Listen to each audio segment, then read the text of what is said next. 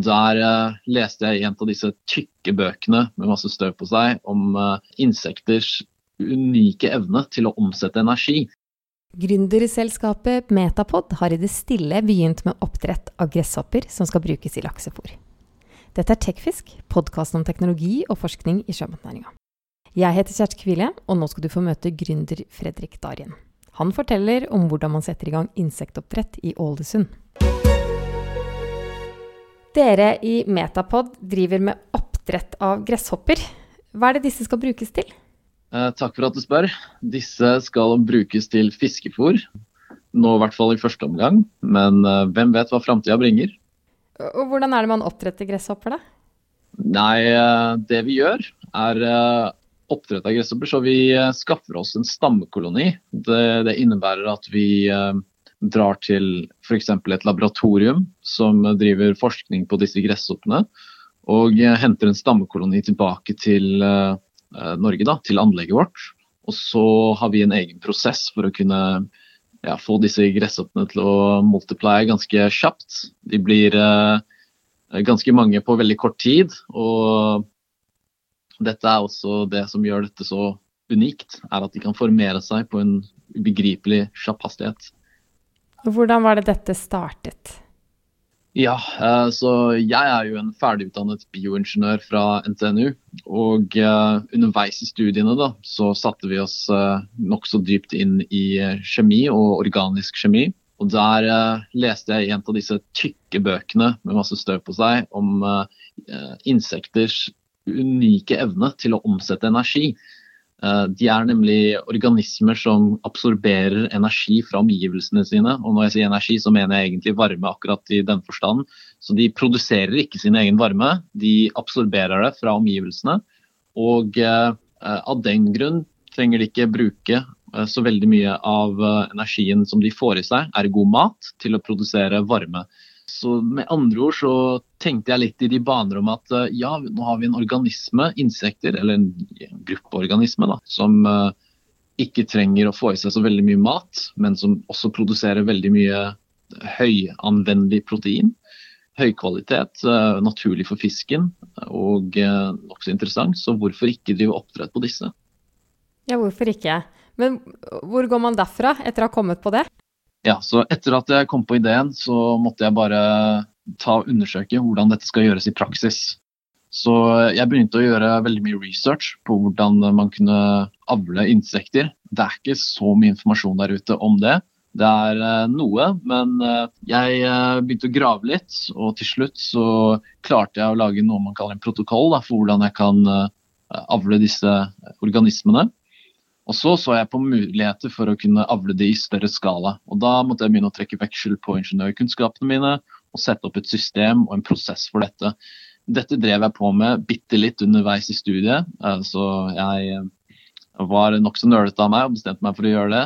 I tillegg til alle mine andre obligatoriske arbeidsoppgaver. Og eh, klarte å utvikle noe som hadde stort potensial.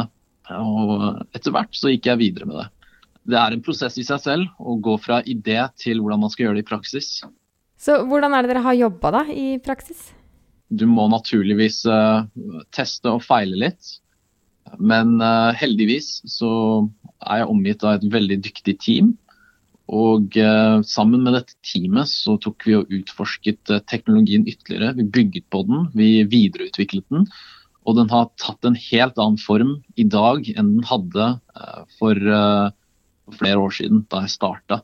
Så nå er den eh, noe helt annet. Og arbeidet vi gjør er veldig systematisk. Det er veldig, eh, veldig tråd med hvordan vi på en måte har blitt eh, utdanna her på NTNU i hvert fall.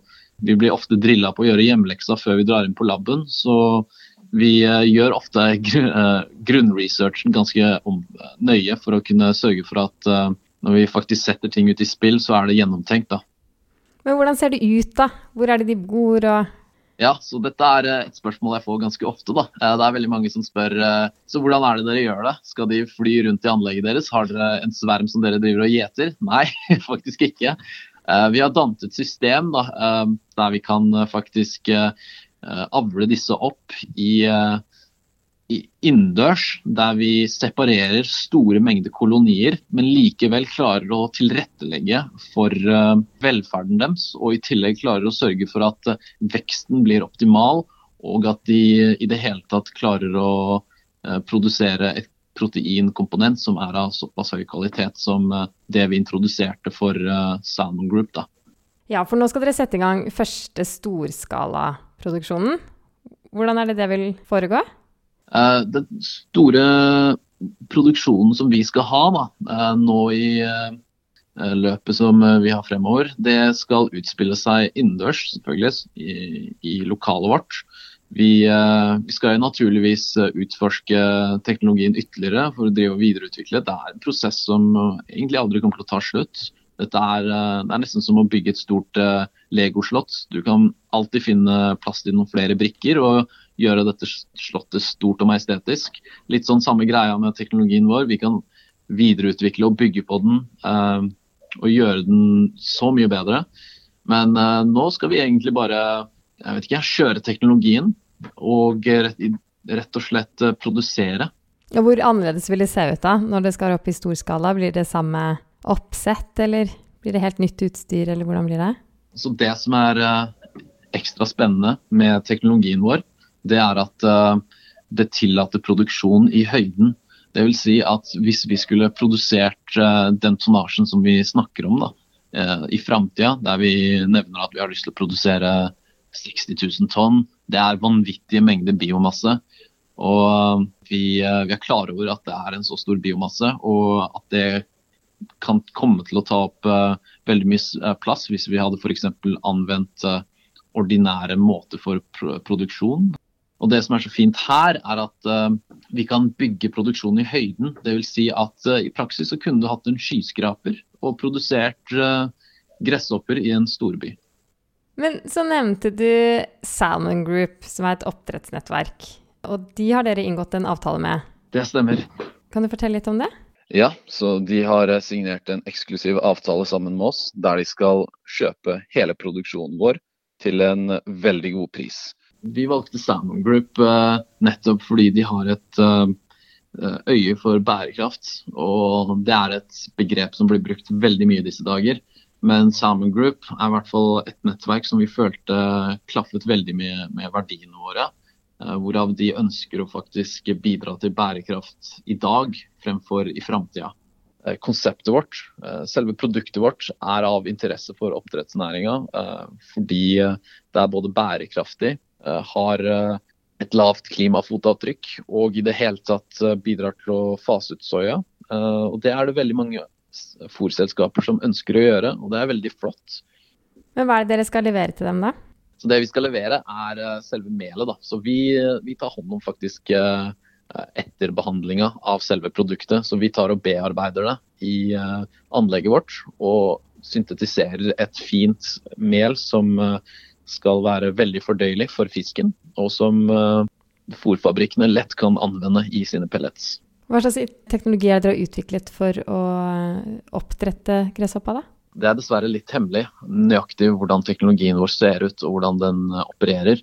Men det vi kan si, er at uh, teknologien er uh, voldsomt spennende og noe vi har jobbet med lenge, rett og slett. Jeg kan heller gå inn på hva som er uh, teknologiens formål, bl.a. Uh, det er å først og fremst fasilitere at disse gresshoppene trives, og at uh, de kan få simulert disse hva skal jeg kalle det, disse triggersene som de opplever i naturen, som skaper disse svære gresshoppesvermene. De blir stimulert til å formere seg, og de blir stimulert til å kunne føle at de har akkurat de rette forholdene til stede for å kunne sverme. Eh, så teknologien den er nokså kompleks. Den gjør ikke bare én spesifikk ting. Den eh, er en blanding av mekaniske systemer og biologiske stimulanter som bidrar til å kunne eh, få akkurat denne produksjonen da, som vi aimer for å klare å få. Det er på en måte en kombinasjon av de ulike utdanningsgrenene som vi alle representerer i bedriften, som utgjør prosessen. Hva slags bakgrunner er det dere har, dere i selskapet? Vi er uh, ca. åtte personer, uh, og så har vi to andre støttespillere fra NTNU. Men uh, bakgrunnen vår er alt fra bioingeniører, biologer, maskiningeniører til automasjonsingeniører. Vi har i hvert fall de kvalifikasjonene som er nødvendige for å kunne oppnå en slik teknologi da, som vi har utvikla. Du trenger automasjonsingeniører for å drive uh, industri. Du trenger bioingeniører og biologer for å kunne legge til rette for biologisk bruk av organismer. Så det var en, det var en god kombo, vil jeg si, av, av utdanningsgrener som dannet dette flotte, flotte resultatet som vi har. Og så har dere mange konkurrenter både i Norge og resten av verden som jobber med det med insektmel. Hvordan ser du på det? Det er andre folk naturligvis som driver med insekter. Eh, vi er ikke alene om det. Det er ikke vanvittig mange, for å si det slik. Men eh, vi anser ikke dem som konkurrenter egentlig, fordi de benytter seg av en annen art. De har en helt annen tilnærming til hele prosessen enn det vi har.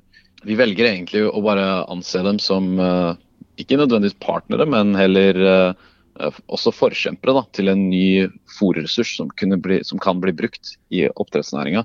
Så det, det, er, det, er, heldigvis ikke et uh, marked som er veldig begrenset, fordi vi trenger mer og mer protein hvert år.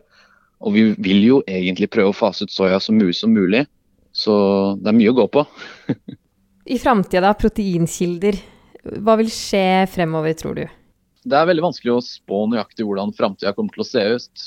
Men det som antageligvis er felles enighet nå i både næringa og ja, generelt, er jo at vi trenger nye proteinkilder. Uh, og det innebærer at vi må benytte den teknologien vi har i dag for å prøve å finne de. Hvorvidt det er kun insekter, om det er uh, mikroalger, om det er soya.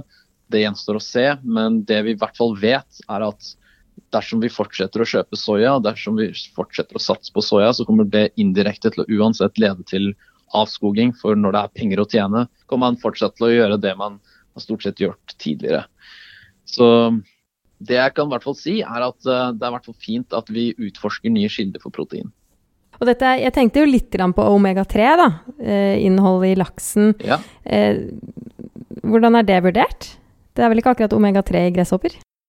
Tja, altså det er jo ikke omega-3 i soya heller, da.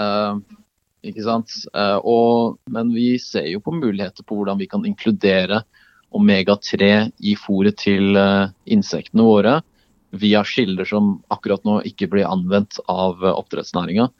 Så hvis vi klarer å finne metoder å jeg vet ikke, lure dette inn i, i næringsprofilen på sluttproduktet, så kan det jo bare være positivt, det. Og i mellomtiden så skal jeg erstatte soyaen og ikke fiskeoljen? Ja, fiskeoljen har kommet for å bli, men eh, soya det er jeg ikke så sikker på. Og hvor mange gresshopper er det dere har nå, da? Nei, jeg har ikke helt tellinga på hvor mange gresshopper vi har.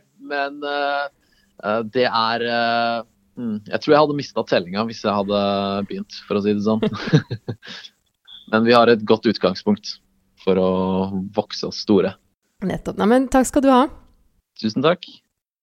Du har nå hørt på Tekfisk, podkasten om teknologi og forskning i sjømatnæringa.